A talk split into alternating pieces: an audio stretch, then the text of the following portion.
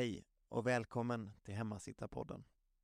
Mitt namn är Oskar och tillsammans med de bästa och mest erfarna i Sverige kommer jag i denna podd försöka gå till botten av explosionen av hemmasittande barn och ungdomar i Sverige. Mitt mål med podden är att skapa en buffé av information där allt från föräldrar som aldrig hört begreppet hemmasittare till lärare som jobbat med det i 30 år kan hitta tips och få inspiration. Det här är podden jag önskar fanns för tio år sedan, när jag behövde hjälp och stöd. Hoppas att den kan ge dig vad du behöver.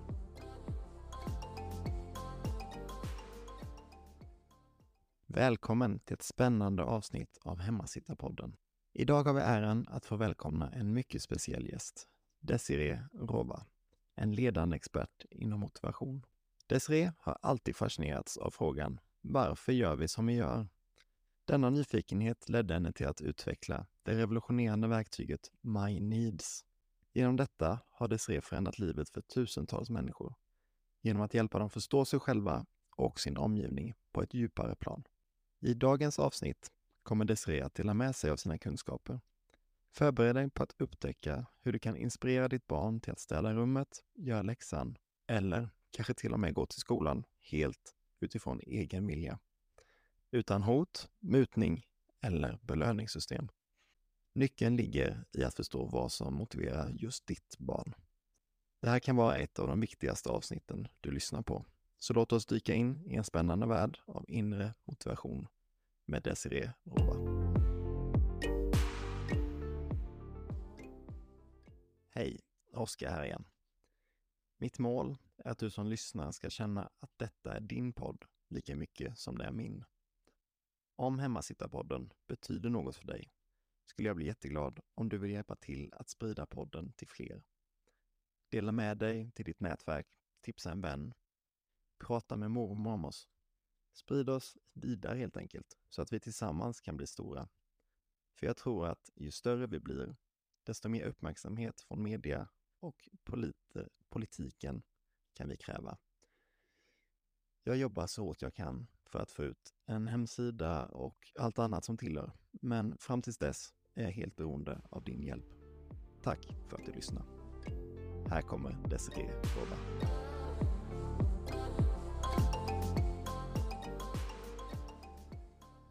Hej Desiree och välkommen till Hemmasittarpodden. Ja men hej Oskar, vad trevligt att få vara med i din härliga podd. Ja, det ska bli väldigt spännande här.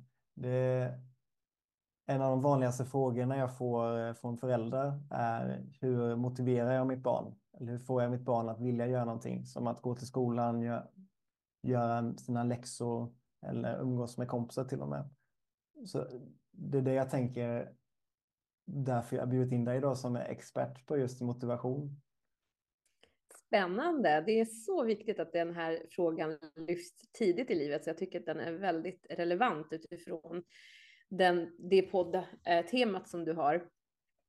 Ja, jag tror att om vi, om vi gör ett bra jobb här som jag tror att vi kommer göra, i alla fall från din sida, så mm. jag tror att vi kan hjälpa väldigt många att både förstå sina barn bättre men också sig själva.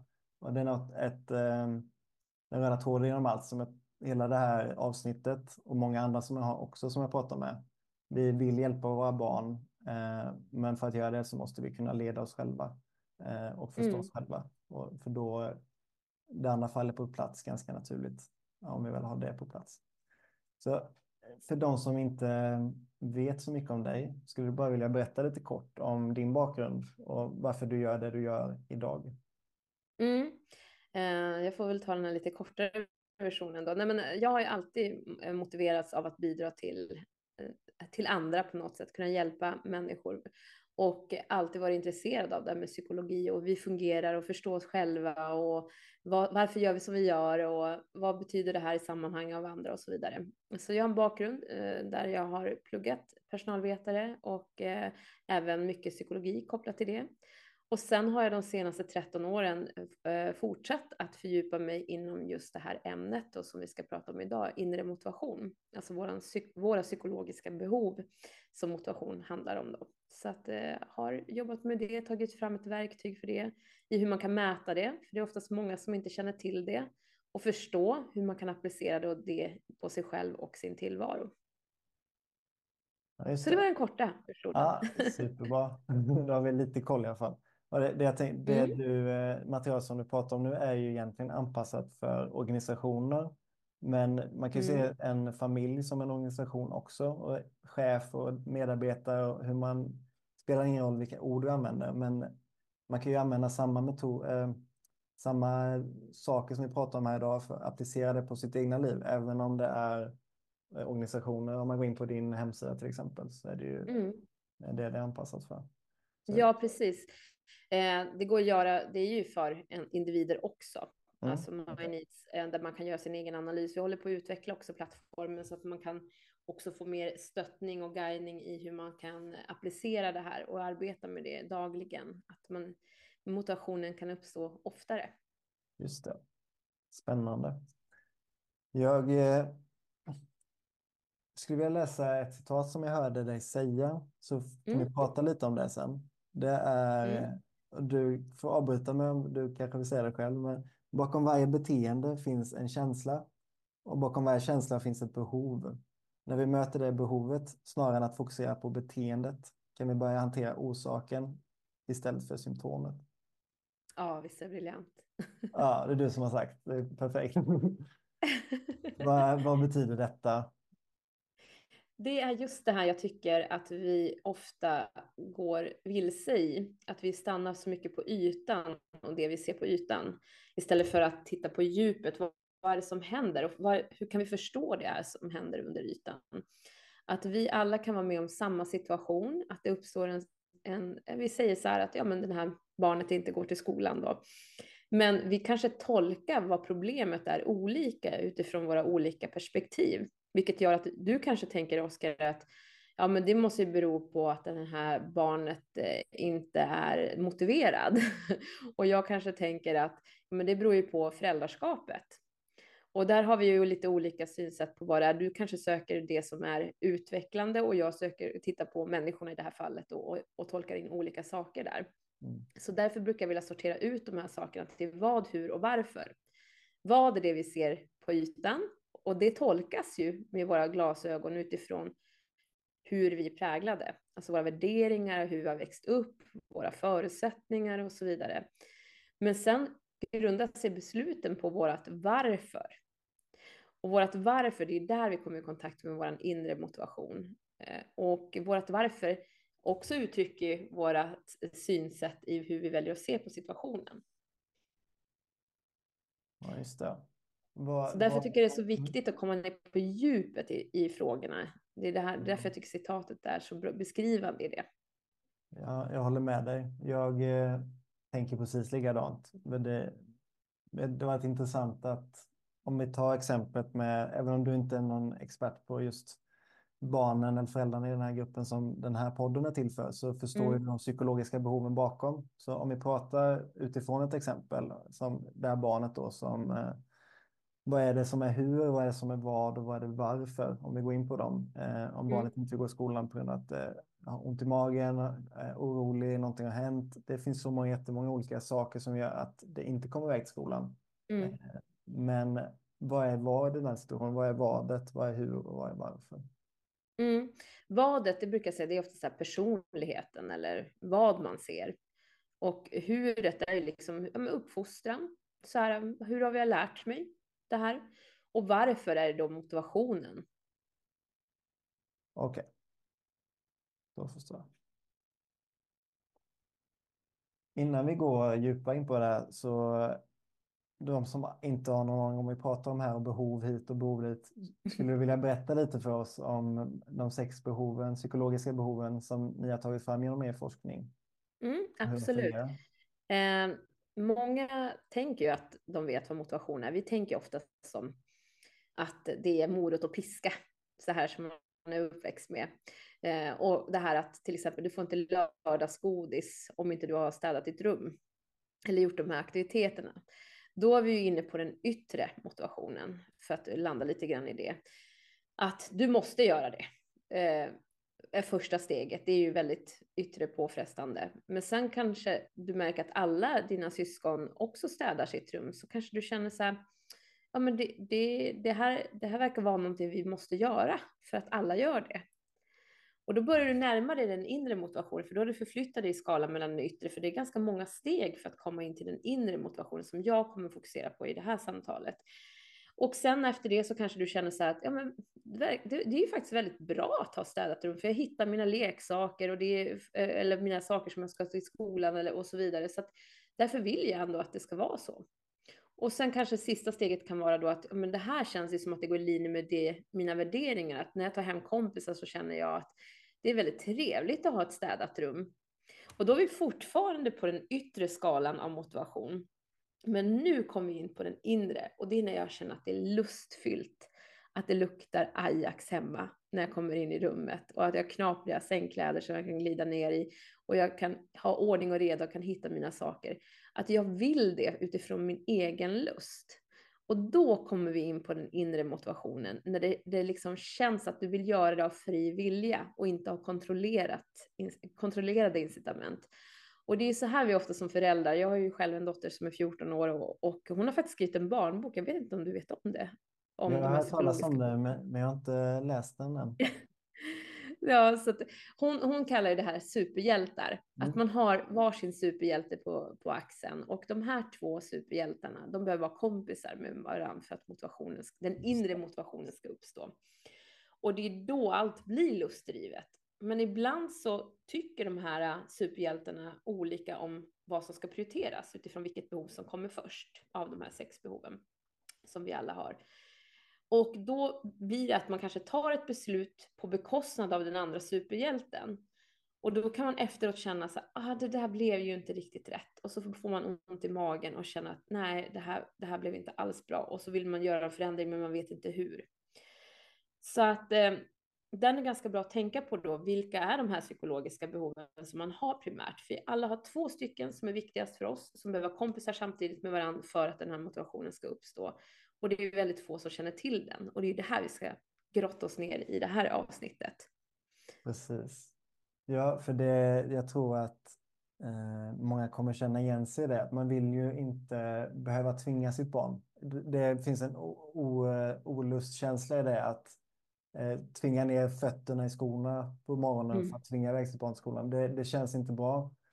Och då om det är det skolan då kanske rekommenderar att man ska göra eller du måste få iväg den skolan, det blir, det blir inte bra liksom. Så det man vill är just det du pratar om, att barnet ska vilja göra någonting. Man vill inte tvinga mm. sitt barn att göra något som är obekvämt, äh, obekvämt eller olustigt för det.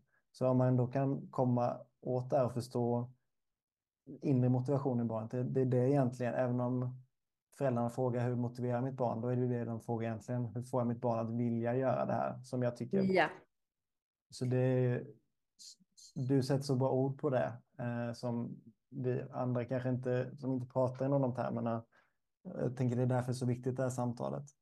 Kan du mm. lite?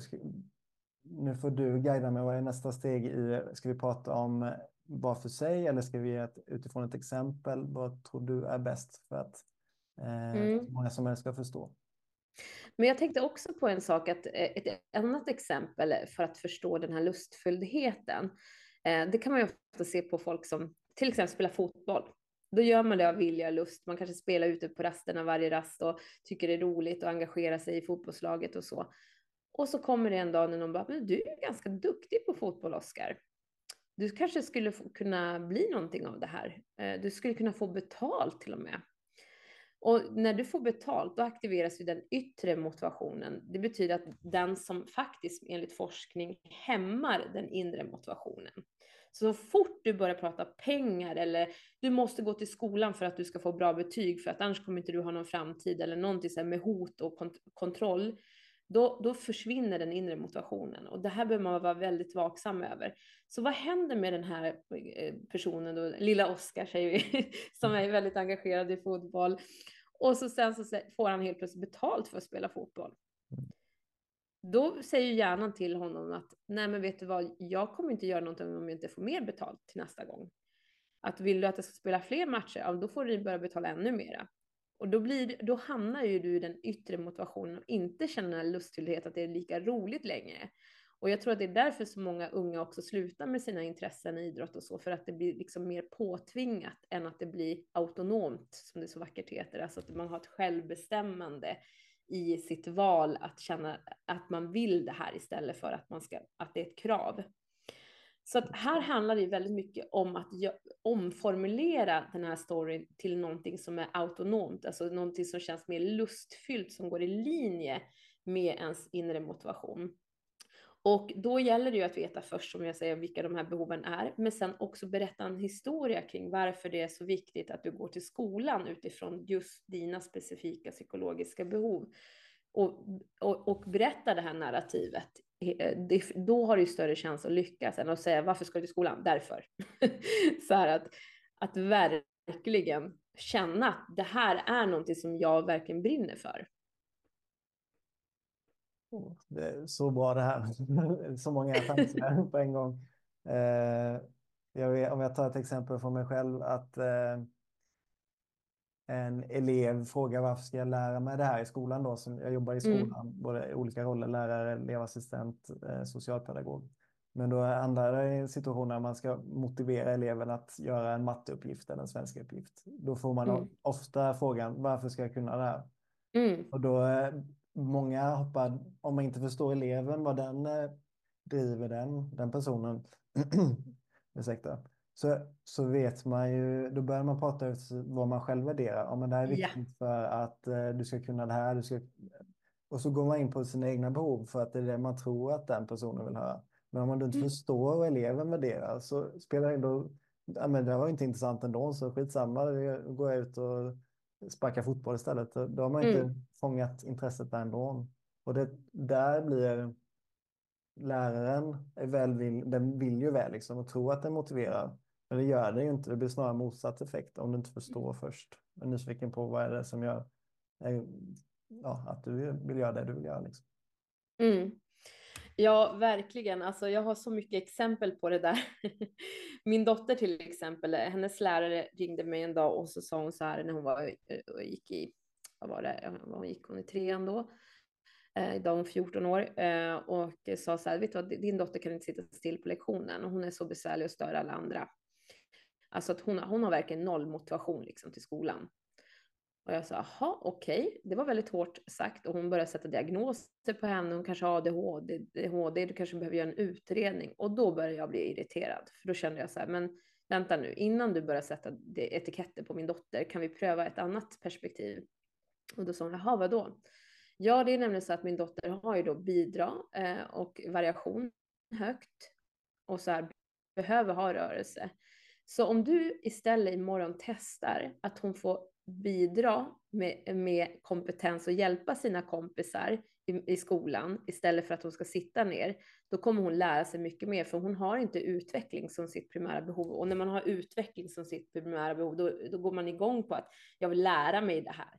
Men hon mm. motiveras med att hjälpa andra att lära sig och det är då hon kommer ihåg det, det som händer i skolan. Och så säger hon bara okej, okay, men vi testar det då, men jag tror inte att det kommer funka. Okej, okay, ja. Eh, och den här morgonen när jag skulle åka och lämna min dotter till skolan och hon grät och var så irriterad och kände bara mamma jag vill inte till skolan, alltså det är, så, det är inget roligt där och det var jobbigt och jag vill, hon hade ont i magen och det var alla dessa ursäkter. Och då sa jag så här, men idag tror jag att det blir en annan dag. För jag har nämligen pratat lite grann med din lärare så vi ska, så jag tror att det blir lite annorlunda. Och sen när jag ska hämta henne vid tre tiden då springer hon med största leendet och skuttar fram och så säger hon så här, mamma, mamma, mamma, vet du vad? Idag fick jag hjälpa mina klasskamrater. Och du vet, Olle han som aldrig kan sitta still. Alltså till och med han satt still. Och vet du vad jag lärde mig? Då kommer vi till lärandet sen då. Vet du, dinosaurierna, visste du att de har levt så här länge? Och, de, och det här och det här och det här. Och jag bara, ja men gud vad spännande. Så att hon vi kom ju till ett lärande när läraren mötte motivationen, hennes motivation och utgick från den istället för sin egen. Och efteråt så ringde läraren upp och bara, det här var ju en helt annan unge. Vad, vad var det där om? Och då sa jag att ja, för du utgick från hennes perspektiv, hennes behov istället för dina egna. Och det är då vi får människor att bli engagerade. För varje gång du aktiverar dina psykologiska behov, alltså din inre motivation, det är då ditt minne kommer till, det är då du får utlopp för all din kapacitet, det är då du kommer ihåg saker mycket mer och du blir, eh, det sätter sig mer på ett annat sätt i hjärnan och det är då du också kan återberätta det till andra. Så att, eh, och hon fick ju då som sagt en rejäl tankeställare och började läsa mina böcker, min bok efter det också så här.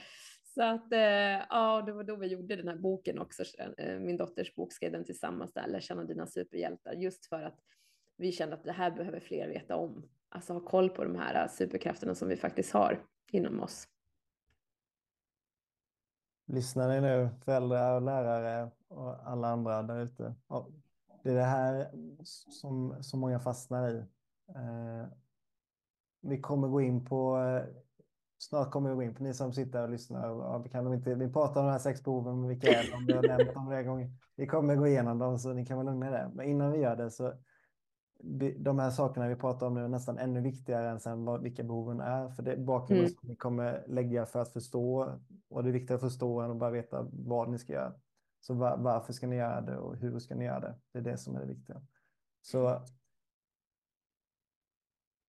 din eh, dotter där ändrade hela hennes, hela skolgången ändrades från och med en dag bara av att lyckas. Och lyckas är ju att hon fick göra det hon är bra på, det hon tycker om och det hon, hennes, fylla hennes behov. Det är mm. så många barn som jag vet, ni som lyssnar nu och jag som själv har träffat och föräldrar som har, som, eh, barnen kan inte sätta ord på vad det är. Om man ställer en fråga till dem så vet de inte vad det är som gör att de inte går till skolan. De kan inte sätta ord på känslorna, de kan inte prata i behoven. Då kanske de här superhjältarna skulle vara en bra ingång i det. Att för, för att ett barn ska kunna förstå att åttaårig pojke, flicka till och med kan läsa, oavsett om de läser boken eller inte, men det ger ord att prata om, ett gemensamt språk. Jag tror att den kommunikationen där är det som saknas många gånger. Att det står, man förstår inte varandra.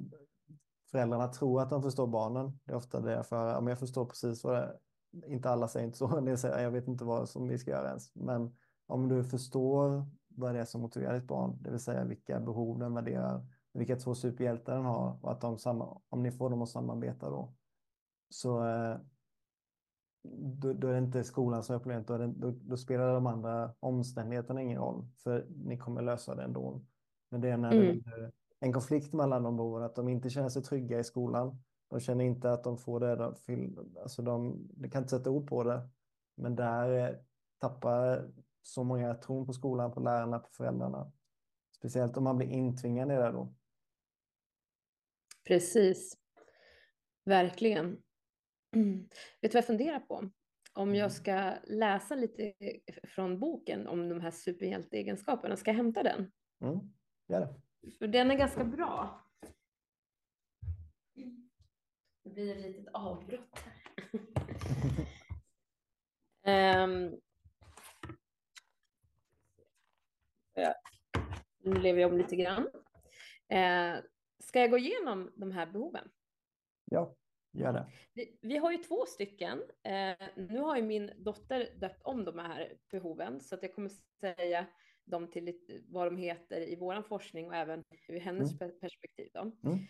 då har hon döpt om samhörighet till kompisen. Och den här superhjälten har till uppdrag att få alla att bli kompisar med varandra på skolan. Alla lika viktiga. Hjälten är duktig på att vara, eh, säga snälla saker till sina kompisar och vara omtänksam. Mm. Så i det här behovet så motiveras man ju alltså av samhörighet och relationer. Och det kan ju faktiskt vara så att den här personen kanske är mobbad i skolan. Och genom att förstå de här psykologiska behoven så bygger man ju också en självkänsla. För man kan sortera ut vad som tillhör vad. Eh, det har ju många gånger uppstått incidenter i skolan för Chanel, till exempel min dotter då, där mobbing har uppstått, men hon har inte tagit det personligt, för hon har ju sett att det här, de har ju andra superhjältar än vad jag har. Jag förstår att vi missförstår varandra, det är ju inget personligt. Och, och, det tycker jag har varit så fantastiskt att det här har reducerat mobbing just för att man kan eh, se saker ur ett annat perspektiv än att man ska ta det personligt. Att ja, men vi kanske inte har gemensamma intressen, men då kanske vi kan försöka hitta det som vi har gemensamt istället. Superbra. Mm. Så mm. samhörighet då, eller kompisen som eh, Chanel kallar dem för, eh, är ju de enda som egentligen motiveras av att jobba med andra eller plugga med andra eller va, göra samarbetsövningar, att få bolla bara i skolan med andra. Att man verkligen har en kompis i skolan är otroligt viktigt då. Att hitta liksom sitt umgänge och det kan ju vara till exempel att man kanske behöver byta skola för att känna att man kanske har mer samhörighet om inte man känner samhörighet i klassen. Mm. Så det är ju jätteviktigt då. Eh, om du inte har samhörighet som behov så är ju inte eh, relationerna lika viktiga. Då är det inte där man ska lägga fokuset, utan det kan handla mm, om andra saker som vi kommer komma in på sen. Mm. Sen har vi nästa behov då, superhjälte. Och det är då hjälparen som Chanel kallar den för. Och det är då behovet bidra. Och hjälparen har till uppdrag att hjälpa människor, även de man inte känner. Vi är här för att göra världen till en bättre plats och därför vill denna superhjälte bekämpa orättvisor. Så när man har då bidra som behov eh, så motiveras man ju av att se mönster, få hjälpa människor och förstå det här whyet som du var inne på, att varför är det viktigt med matte i skolan? Jag har ju det här behovet och jag kommer ihåg att eh, jag fick jättedåligt betyg i matte för att jag frågade läraren så här, men varför ska jag kunna det här i framtiden? För jag, i bidragsbehov vill man alltid zooma ut och se det större syftet till varför man ska göra det här eller kunna det här. Och den här läraren gav mig aldrig något bra svar. Sen en dag så kom det en ny, eh, en vikarie för den här läraren. Och så ställde jag samma fråga igen. Och han mötte mina behov där och förklarade verkligen, kunde zooma ut i framtiden och hur jag ska kunna dra nytta av det här jag lärde mig nu till i ett större sammanhang. Och helt plötsligt så spikar jag det provet. Och, och min pappa sa det till mig när jag kom hem, bara, ja men jag är inte förvånad, du har ju bara intalat dig själv att du inte är duktig på matte. Du har alltid varit duktig på matte, men det är bara det att du har inte kopplat det till, eh, till din motivation. Mm. Du har varit intresserad av andra saker istället. Och jag, och jag tänkte så här, va? Men nu när jag förstår och kan sätta ord på det så fattar jag ju att den här läraren pratade utifrån mitt behov, men den andra gjorde inte det. Men det är exakt samma kontext, men det handlar om vilka ord man använder i sammanhanget för att det skulle vara motiverande för mig. Mm. Så bra. och sen har vi nästa då, läraren kallar vi den, eller Chanel mm. den för. Och det är ju då behovet utveckling. Den här superhjälten har till uppdrag att lära människor olika saker. Kunskap är makt. Därför spenderar superhjälten all sin tid på att lära ut eh, saker till sina kompisar så att de är rustade inför framtiden. Så här går man ju igång på exakt som skolsystemet är uppbyggt egentligen, att man ska lära sig saker, man ska komma i mm. mål och att det ska ha en logisk förklaring till varför man ska kunna det här. Då känner man liksom den här inre motivationen, att det blir lustfyllt att man har fått ha någonting att kunna, ja men att man har kunskap inom olika områden helt enkelt. Mm. Mm. Det, det, roliga med barn är ju också att ja. de ser ju det här så tydligt medan ja. vi vuxna vi komplicerar till det. Alltså, alla barn som hör av sig, de bara ja men det här är ju självklart. Jag kan ju se mina kompisar, de har verkligen olika superhjältar. Men, men för oss vuxna så kräver det mycket mer för att komma i kontakt med det här och förstå de här delarna. Men beror det på att eh, eh, vi är det barnen enklare att läsa, att det blir tydligare i sina, och är vi mer komplicerade då? Är, vad är det, var någonstans i processen blir det här komplext? Är det att vi tänker för mycket och vi överanalyserar eller varför är det mer komplicerat på en vuxen? Eller är det lika tydligt för dig som är, är duktig på det här? Du ser exakt vad det är som, eh, du, alltså vilka behov som är viktiga för mig till exempel och när du pratar med en? Ja, jag ser, jag har ju tränat till att jag, ja. det är enkelt för mig idag eh, för att jag har övat på det så mycket. Men som till exempel nästa behov då, det är ju signifikans, den mm. som Chanel kallar för stjärnan. Mm. Och den här gillar ju då, stjärnan har till uppdrag att hitta det speciella hos, män, hos oss människor. Vi behöver alla hitta vår speciella identitet för att sticka ut från mängden. Denna superhjälte är envis och ger sig inte förrän man blir bäst på det man gör. Så här motiveras man ju då av att sticka ut från mängden, att, att uh, bli bäst av alla och mm. kunna briljera med det.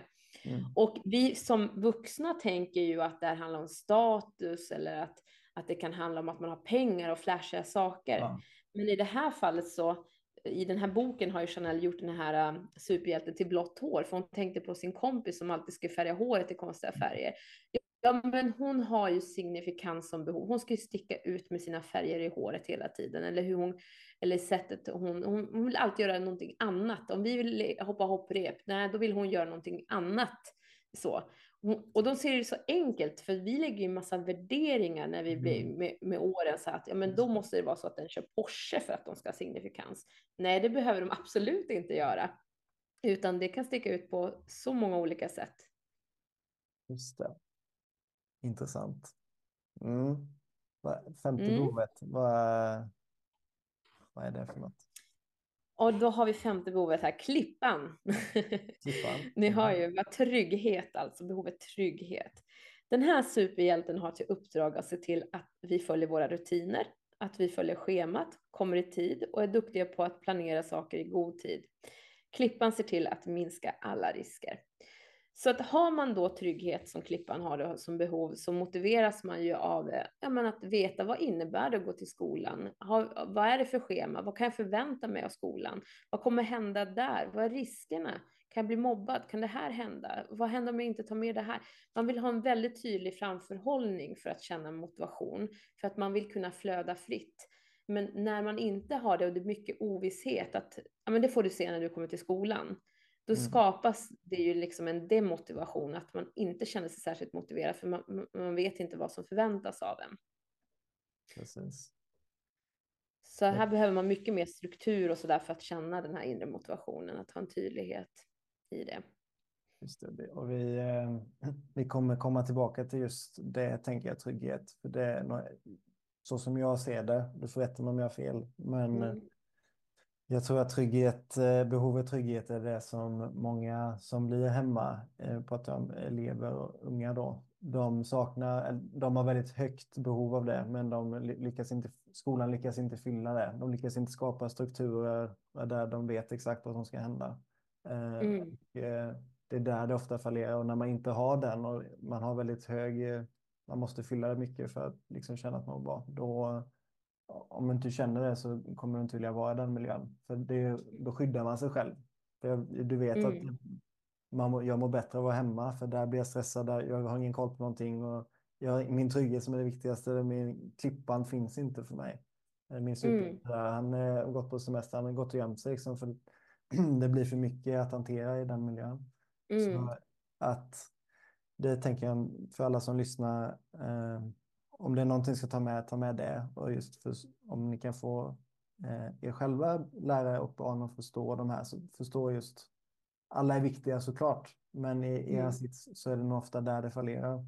Att eh, de har klippan där som sitter på axeln och eh, ja, mår inte så bra. Mm. Vi, vi, kan gå in på det lite sen. Vi kör färdigt eh, sista också. Mm, jag tänkte bara tillägga det. Kan, mm. Man kan vända det på det också så här och säga vad är risken med att sitta hemma då? Mm. För att och då skulle jag ju säga så här att ja, men risken med att du sitter hemma nu innebär ju att du inte får en framtid som är säker och trygg för dig. Mm.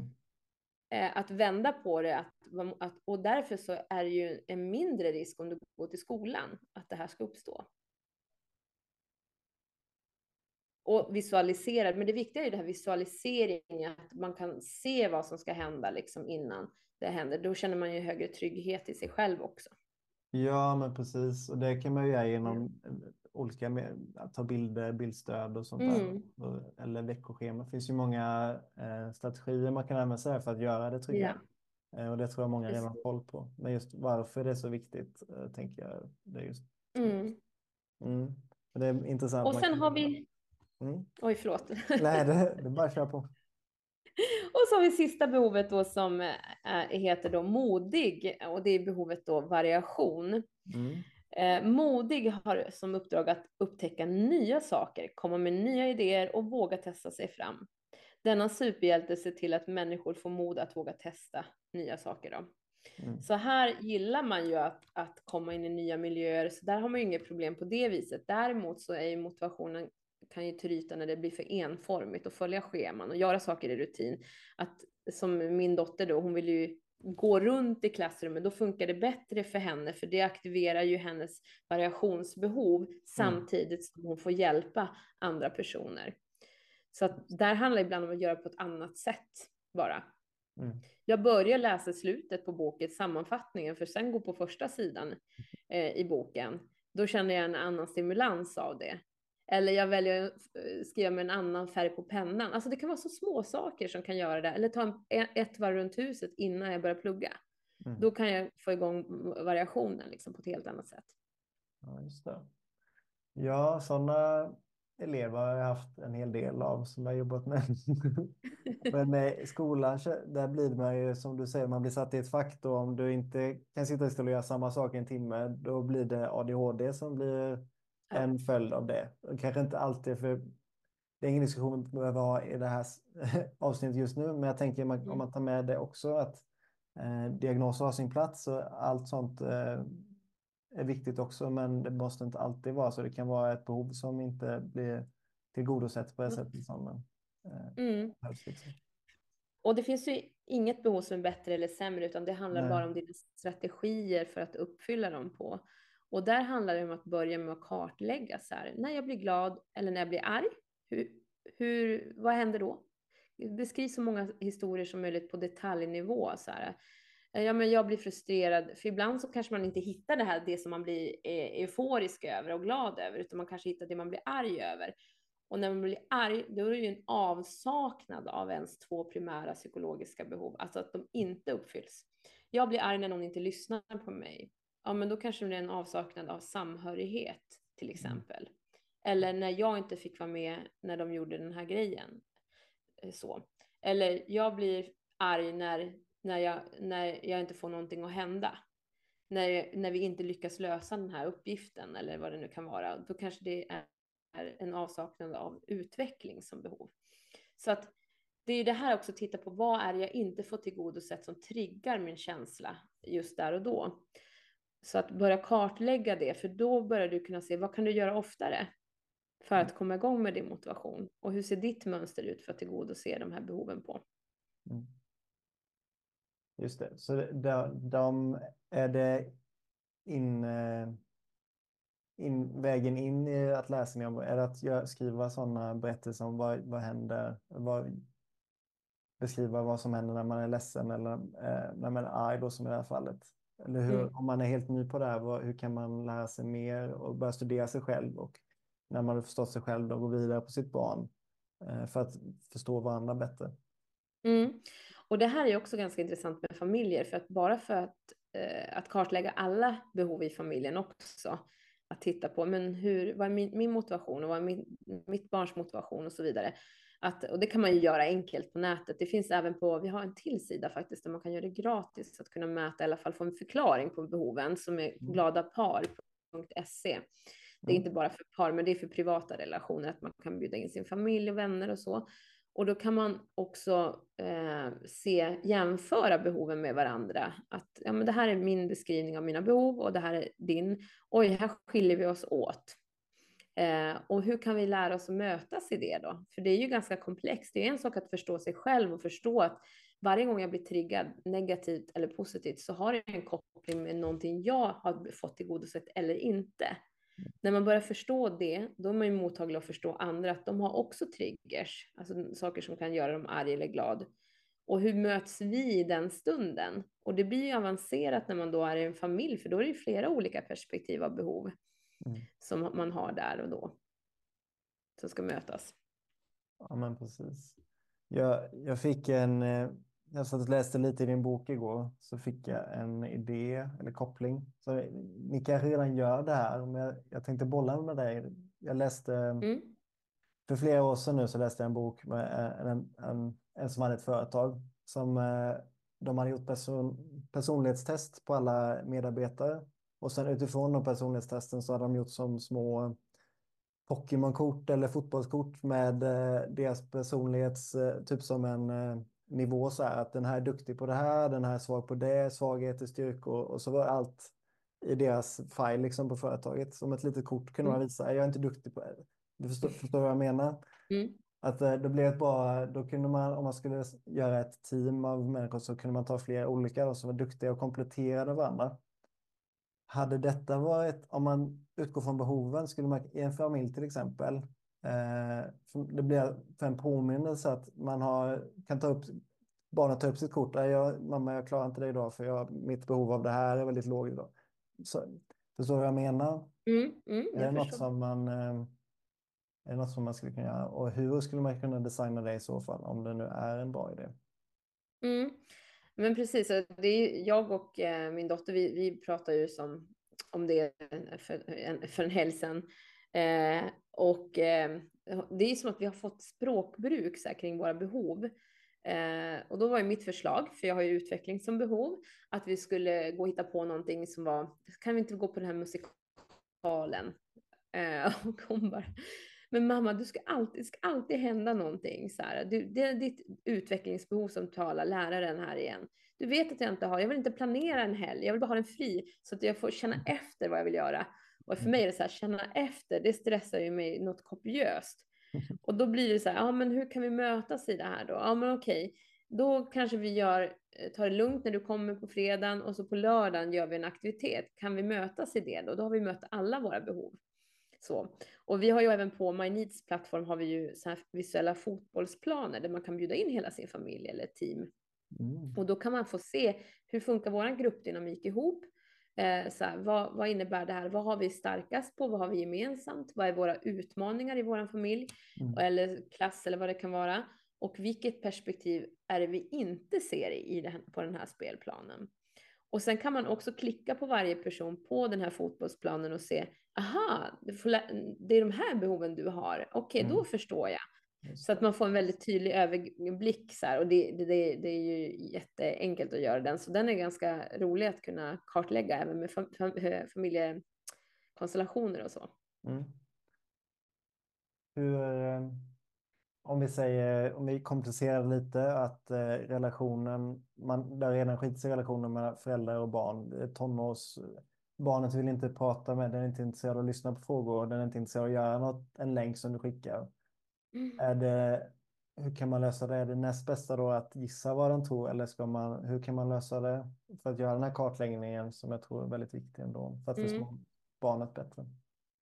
Jag skulle börja med att fråga när de är arg eller glad. Att fråga, men vad var det du gjorde då när du var arg? Eh, ja, men det var att eh, vi skulle göra den här saken tillsammans. Sen kom inte Kalle och då blir jag frustrerad. Och, då är det så här, men varför blev du frustrerad på honom då? Ja, för att han inte höll det han har sagt. Ja, men varför höll han inte det han har sagt tror du? Vad hände med dig då? Alltså, så här, varför, varför, varför? Och då handlar det om att vara behovsdetektiv då och höra vilka behov talar i den här situationen.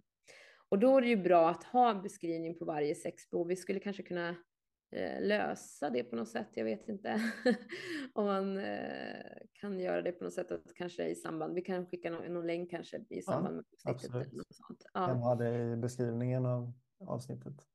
Ja, precis. Så att vi kan skriva in vilka behoven är så man kan läsa på mm. det och börja lyssna in vilka behov är det som berättas i den här historien. Mm. Det tror jag är enklast om man inte vill göra analysen. Ja, just det. Mm, superbra. Um, jag nämnde det tidigare då, men det här. Jag vet du säger att alla behoven, det är ingen, inget behov som är viktigare eller bättre eller någon värdering i något. Om man har det här behovet som är högst, då är det det man har, de två superhjältarna som jobbar ihop. Men mm. om vi går in lite djupare på just eh, tippan och trygghet. Jag tror att många eh, kan ha nytta av det eftersom det är ett mm. Behov som inte blir mött så bra i just en skolmiljö, kanske för vissa barn i den här gruppen. Mm. Vad, vad, vad tänkte du att du vill gå djupare kring det behovet? Ehm? Jag tänker, eh, om man nu har gjort kartläggningen jag känner att jag förstår mitt barn och eh, nästa steg då kanske att oavsett om det, barnet förstår sig själv så tror jag att den kan känna sig eh, mer förstådd genom att man visar att man förstår. Men då om målet, om man ska ha målet att komma till skolan, eller det, det är en helt annan diskussion. Men när, när pressen utifrån, från skola, från BUP eller från social, var det nu kommer ifrån, familjemedlemmar, mm. att varför går inte ett barn i skolan? Var, varför kan det inte, varför, då blir det man hamnar ofta, även om de inte menar så, så är det något fel på ditt barn. Det, varför får ni inte det att funka? Vad är det för fel på er? Liksom? Det är den känslan föräldrarna har i alla fall.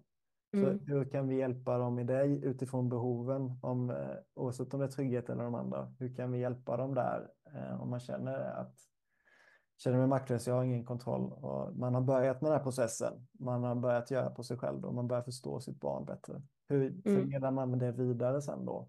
För det räcker inte bara att komma och säga till en lärare om min barn behöver mer, eh, den har ett behov av trygghet. För det, det uppfattar inte den läraren ändå. Vad, vad, är det som, vad behöver vi göra, vad kan vi göra för att eh, förmedla det här? När vi sen mm. vet hur vi funkar, hur förmedlar vi vidare till andra? Mm. Alltså jag tycker det är väldigt viktigt det som händer hemma, eh, för du kan ju inte alltid påverka det som händer på skolan. Nej. Sen beror det på vilken ålder och så där såklart på barnen. Vilken ålder tänker du ungefär? Låt oss börja mm, ganska lågt, typ sju, åtta år. Eh, mm. Vad är den åldern? Kan vi gå uppåt sen? Ja, jag kan ta ett exempel. Eh, min pojkväns dotter har trygghet som behov och mm. skulle åka tåg för första gången själv till skolan. Och han var ju så här, men det är bara att åka. och hade inte koll på behoven. Och hon, jag såg ju hennes skräck i hennes ögon. Och hon hittade på att hon var sjuk och allt möjligt för att hon hade fullständig panik över att hon skulle åka ja. självtåg.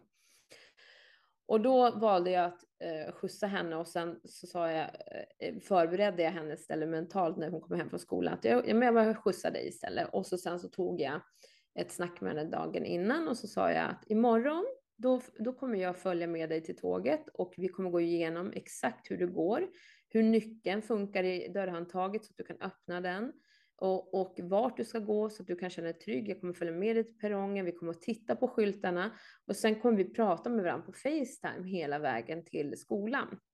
Och så sen så kommer vi göra samma sak tillbaka. Hur känns det? Ah, det känns obehagligt. Eh, Okej, okay, men eh, vad, vad skulle du behöva för att det ska kännas tryggare? Ja, men att du även följer mig tillbaka första gången. Okej, okay, men då kan jag göra det. Och sen så gjorde vi det här då två dagar i rad. Och sen tredje dagen gjorde hon det själv och tyckte det var jätteroligt. Och det var ju för att jag förberedde dagen innan på alla tänkbara hinder, scenarier som kan uppstå. Så hon har ju börjat redan visualisera för att jag berättar om den här, eh, vad som kommer hända imorgon. Och sen så gjorde vi det dagen efter. Kom du ihåg jag sa det här? Nu händer det här. Nu ser du den här skylten här och, det, och då ska du dit. Och titta nu här så att verkligen gå igenom varenda steg och förklara varför.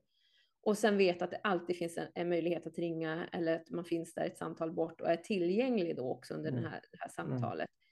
Mm. Eh, och, och, då gick det jättebra. Och, mm. men sen så åkte hon till eh, sin mamma och då blev det någonting annat för då skulle de åka buss. och hon hade inte koll på hennes behov liksom. Så då var det så här, men jag vill inte åka buss och hon kunde inte sätta ord på varför hon inte ville åka buss. Men Nej. jag förstod ju att det var för att hon var ju trygg med tåg. Mm. Så att helt plötsligt börja ändra till buss, då, då ändrar man ju alltihop på hennes hjärna. Så då fick vi göra om den här processen för henne då, att känna sig trygg igen då med tåg. Och jag tror det är på samma sätt så är det viktigt att prata med barnen och gå igenom så här, vad kommer hända på skolan, hur ser schemat ut, okej, okay, eh, ja, du kanske inte kan komma överens med alla personer i skolan, men då kan du göra det här istället.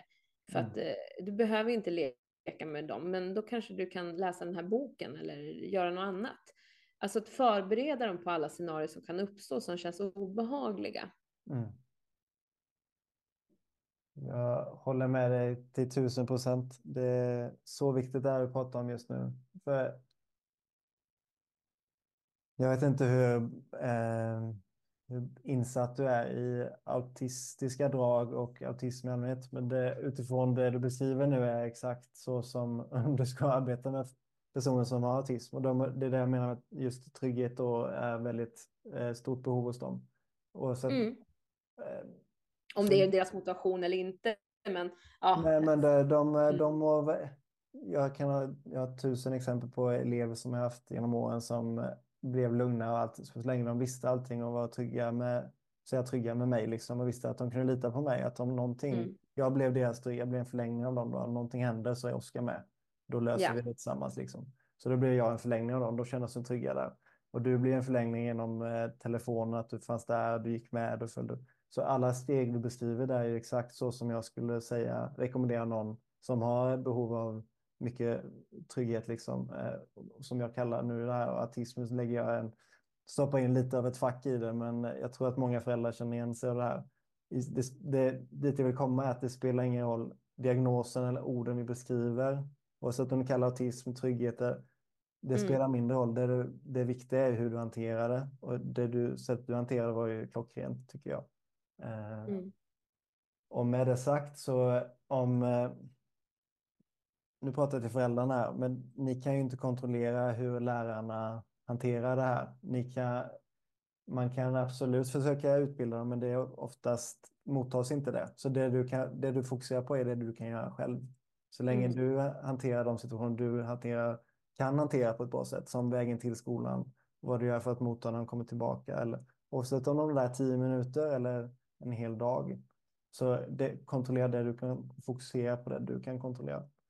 Mm. Um, en annan sak jag tycker också är viktig är samhörighet, behovet av samhörighet, för ja. den är också väldigt problematisk. Yes. Just det är ju vanligaste behovet i Sverige eh, mm. som vi kan se och där är ju också att ett tips då att mm. hjälpa barnet att hitta samtalsämnen med sina kompisar. Att förbereda dem på samtalsämnen för att, att de ska kunna känna sig trygga att ta den dialogen om de är blyga eller inte kanske mm. våga prata med folk eller de känner inte någon samhörighet med klassen och därför kommer de inte till skolan.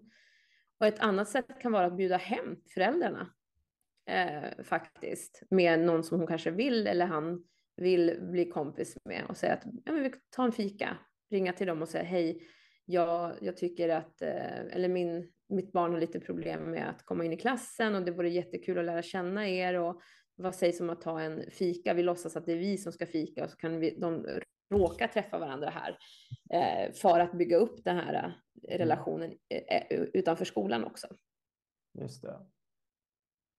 Ja, det är superbra tips. Har du fler sådana tips? Jag tror också samhället, jag, viss, jag kan tänka mig att det är ett av de viktigaste, men det är inte bara i Sverige, det är nog kanske är de flesta. Men det är ju mm. kanske också det som är läskigast då, att försöka möta, för då måste man ju samspela med andra och om man tycker det är jobbigt så blir det ett hinder. Ehm, och då isolerar man sig själv för att det känns tryggare då. Då behöver jag inte mm. göra det utmanande jobbiga som att prata med någon eller bara ha en kompis att umgås med på rasten. Det finns ju olika sätt. Vad, vad finns mm. det mer för tips där du kan ge om samhörighet? Mm. Nej, men det var just det, det här med att, att förstå att det är viktigt att ha relationer och då behöver man också hitta en väg in som förälder att skapa de förutsättningarna för barnen att, att få lära känna personer. Och där kan det vara intressen också. Att titta, vad är det för hobbys de har i klassen? Prata med läraren kanske eller någon. Eller kom, och, eh, kom till skolan på föräldramötet och fråga så här, vad, vad gör dina barn? Och börja skapa relation därigenom. För vi vuxna kan ju också skapa relationer med föräldrarna. Eh, och på så sätt hjälpa våra barn att komma överens bättre i mm. skolan eller få bättre relationer. Och då kan man ju fråga sig att ja, men vad, vad är det för hobbys och intressen och kanske signa upp på det. Och det kan ju också aktivera om man har utveckling som behov, att man har någon gemensam nämnare, att vi spelar fiol tillsammans efter skolan eller vad det nu kan vara som gör att det bygger också upp den här motivationen. Så att, eh, att känna det, för det är oftast lättare när man har något gemensamt intresse också. Och i utveckling är man väldigt duktig på att hitta intressen. Eh, och där kan man ju faktiskt hjälpa samhörighet med det också, att man har någonting att prata om. Ja, men mm. vi var på, vi körde basket eller som min dotter, dotter gör nu, hon är inte alls intresserad av religion, men hon har gått konfirmationsläger bara för att bygga relationer. så att det är bara, det är hennes enda syfte med det. Och för att hon, och hon vet det, att det är ju bara för att hon ska bygga relationer. Mm. Det är ju inte, och då, jag tycker det är okej, för att hon kan se att det motiverar henne. Mm. Just det. Ja, super, superbra saker. Jag... Eh... Vi har pratat om det mesta som jag, i alla fall från början, sen vi kommit in på mycket intressanta andra saker också. Men jag eh, funderar på om jag missade någonting. Jag ska bara kolla lite snabbt. Och det, vi får inte in det egentligen, men eh, jag har skrivit lite andra citat till exempel som jag har hört mm. dig säga och läsa. Eh, jag tänker vi kan nämna det också eh, innan vi avslutar här. Men det är ett av dem. Då. 99 procent av alla beslut vi tar är grundade i känslor. Känslor styr oss oavsett hur rationella vi tror vi är. Så är det alltid en känsla bakom det som styr oss. Mm. Och det är 99 procent, för att återupprepa då, det är allting i stort sett. Det är allting. Det spelar ingen roll hur rationella vi tänker att vi tänker oss samtidigt vara, det är alltid en känsla som... Mm. Vad, om, nu, när ni, nu när vi vet det, hur kan vi använda oss av det till vår fördel så att vi inte fastnar i att obeslutsamhet eller maktlöshet eller det dit jag vill komma hur kan vi leda oss själv vidare som föräldrar, mm. som medarbetare, vad det än är man vill ha. Men i det här fallet, i den här podden, är det ju då föräldrar eller skolpersonal och sånt. Mm. Hur kan vi leda oss själva när vi vet att allting är känslor då? Vi motiveras av det. Mm. Behoven är ju kopplade till känslor och mm. det är ju väldigt kul med mina syskon. Jag har ju då två syskon och eh, när vi pratar med varandra så här brukar det oftast bli om gamla minnen och så. Och där blir alltid att vi tycker olika om de här situationerna som har uppstått. Mm. För att vi har olika behov, vilket betyder att vi triggas av olika saker i den, i den situationen. Eh, ja, men kommer du ihåg när vi var på den här semestern? Det var ju så roligt. Då kom du ihåg att det här hände? Och säger min syster, det, men det där hände ju inte alls. Det var ju det här som hände. Och då säger jag så här, för att det jag filtrerar i mina glasögon är ju det som tilltalar mina behov som kopplas till en känsla som ger, ger att, skapar ett minne som gör att mm. det är det jag bär kvar liksom efteråt och det är det jag la fokus på. Men jag la ju inte fokus på det vad mina andra syskon såg för att det är inte det som är intressant för mig. Och eh, ett exempel, annat exempel på det är ju när jag och min eh, forskare var ute och gick en promenad, hon som har skrivit boken med Motiverad med Maria Appelqvist då, så halkar en person och, försö och, och försöker ta tag i min arm och jag försöker rädda henne när hon håller på och halkar. Och så ramlar hon och jag bara tänker i mitt bidragsbehov att varför kunde inte jag hjälpa henne? Eh, det här handlar ju om mikrosekunder så. Mm. Medan Maria backar några meter bort och bara orsak verkan liksom i att i utveckling vill hon förstå va varför det här händer. För hon kunde inte förstå hur man kan halka när det inte är så halt. Och då identifierar hon ett bananskal, eh, att hon hade halkat på det här bananskalet då. Och vi blev så full i skratt för då var det så här, oj, jag hade inte sett det där bananskalet för jag var så upptagen med mitt primära behov av att hjälpa henne medan hennes primära behov var utveckling och handlade om varför ramlade hon ens? Så att vi kan vara med om exakt samma situation men tolka det på helt olika sätt och det är det här vi behöver vara medvetna om. Vad är det som triggar mig i den här situationen? Och anta inte att dina behov är någon annans behov, utan behandla andra som de vill bli behandlade, inte utifrån hur du vill bli behandlad. Just det. Den är bra faktiskt. För det, det gyllene regeln brukar vi kalla den. Att du behandlar andra som du själv vill bli behandlad. Men om du gör det utifrån behoven så blir det inte bra. Det du, tror, du tror du behandlar dem på ett bra sätt, bemöter dem på ett bra sätt och de blir motiverade. Men så, de bryr sig inte någonting. Ja, och så sen blir det så här när man är förälder, då utgår man ifrån hur man själv växte upp och bara, ja men ja. jag växte upp, då gjorde jag så här och då borde du också tycka att det här är intressant. Och det är så vi funkar, vi bara, bara för att det motiverar oss så tänker vi att vi ger dig, jag ger Oskar en gåva här för det här motiverar mig och då borde det motivera dig också Oskar att mm. göra den här saken på exakt samma sätt som jag gjorde. Men har inte du samma behov som mig, då kommer du tycka att det här är jättetråkigt att göra det på grund av att du är artig eller externt tvingad, du känner dig tvingad att göra det här.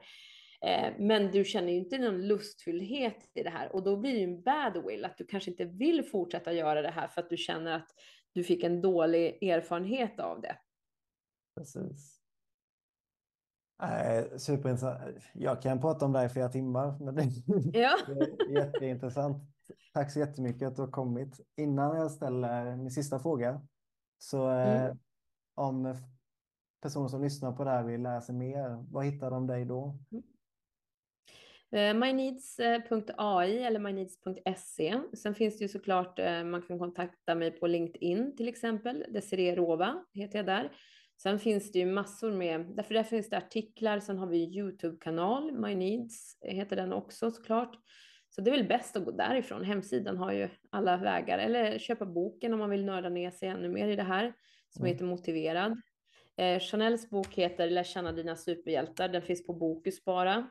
För det här var liksom en, en mer rolig grej, men den blev ganska stor faktiskt. Mm. Den har spridit sig väldigt mycket inom skola eh, och även föräldrar och vuxna till och med som läser den här boken, så det är jättekul. Mm. Så, men jag vill bara summera med att börja med att ta reda på vilka av de här sex behoven läs igenom alla, börja reflektera kring situationer, gärna tillsammans med familjen under middag till exempel, att ni äter middag tillsammans, så går ni igenom de här behoven och bara, men eh, vilken tilltalar dig mest?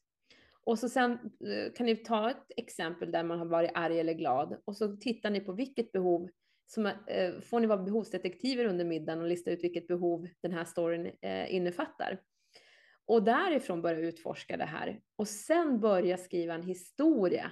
Varför ska jag gå till skolan utifrån mina två primära psykologiska behov? Mm. Hur kan det här bli en rolig och lustfylld upplevelse för mig?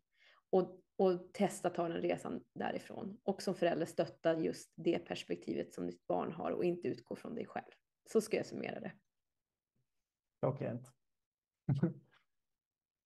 ja, superbra Desirée. Det, ja, jag, jag hoppas många lyssnar på det här. Inte för, ja, för att det är viktigt, inte för att det är du och jag, utan bara ämnet sig och behoven är superviktiga. Jag tror verkligen att det är nyckeln till att hjälpa många där ute. Mm. Så jag tackar för din tid.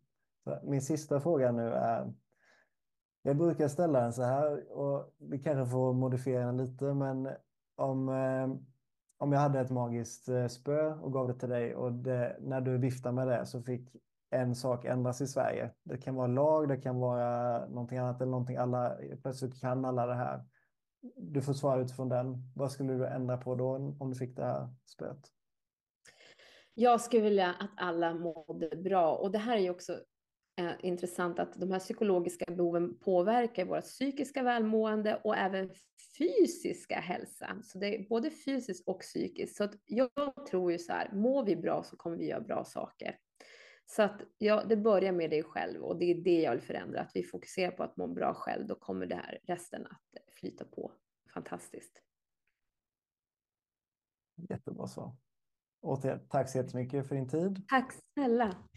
Superkul. Tack för att jag fick vara med. Wow. Den information du precis har tagit del av kan faktiskt förändra hela ditt liv. Jag och Desiree har pratat om att eh, skapa någon, någon form av eh, anpassat verktyg speciellt till er föräldrar. Men om ni inte kan vänta så länge så rekommenderar jag att ni går in på MyNeeds AI redan idag. Du hittar alla, län alla länkar längst ner i beskrivningen till avsnittet. Tack för att du har lyssnat.